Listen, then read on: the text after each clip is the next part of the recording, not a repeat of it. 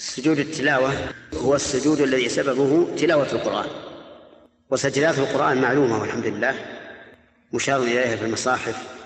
فإذا مر إنسان بآية سجدة فإنه يسن له أن يسجد اتباعا لرسول الله صلى الله عليه وآله وسلم ولخلفائه الراشدين.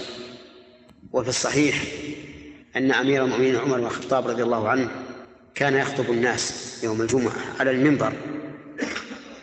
فمر بآية السجدة التي في سورة النحل فنزل وسجد وسجد الناس معه.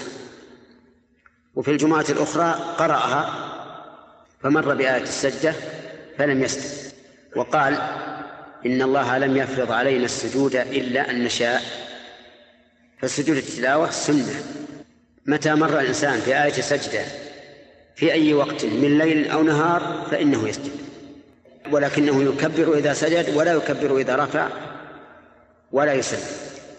لأن ذلك لم يرد عن النبي صلى الله عليه وآله وسلم. بل حتى التكبير إذا سجد فيه نظر. ولهذا قال شيخ الإسلام رحمه الله أنه لا يكبر للسجود ولا للرفع من السجود ولا يسلم. لكن ينبغي أن يكبر للسجود. لحديث ورد في ذلك. يكبر للسجود لا للقيام من السجود. ما لم يكن في صلاة.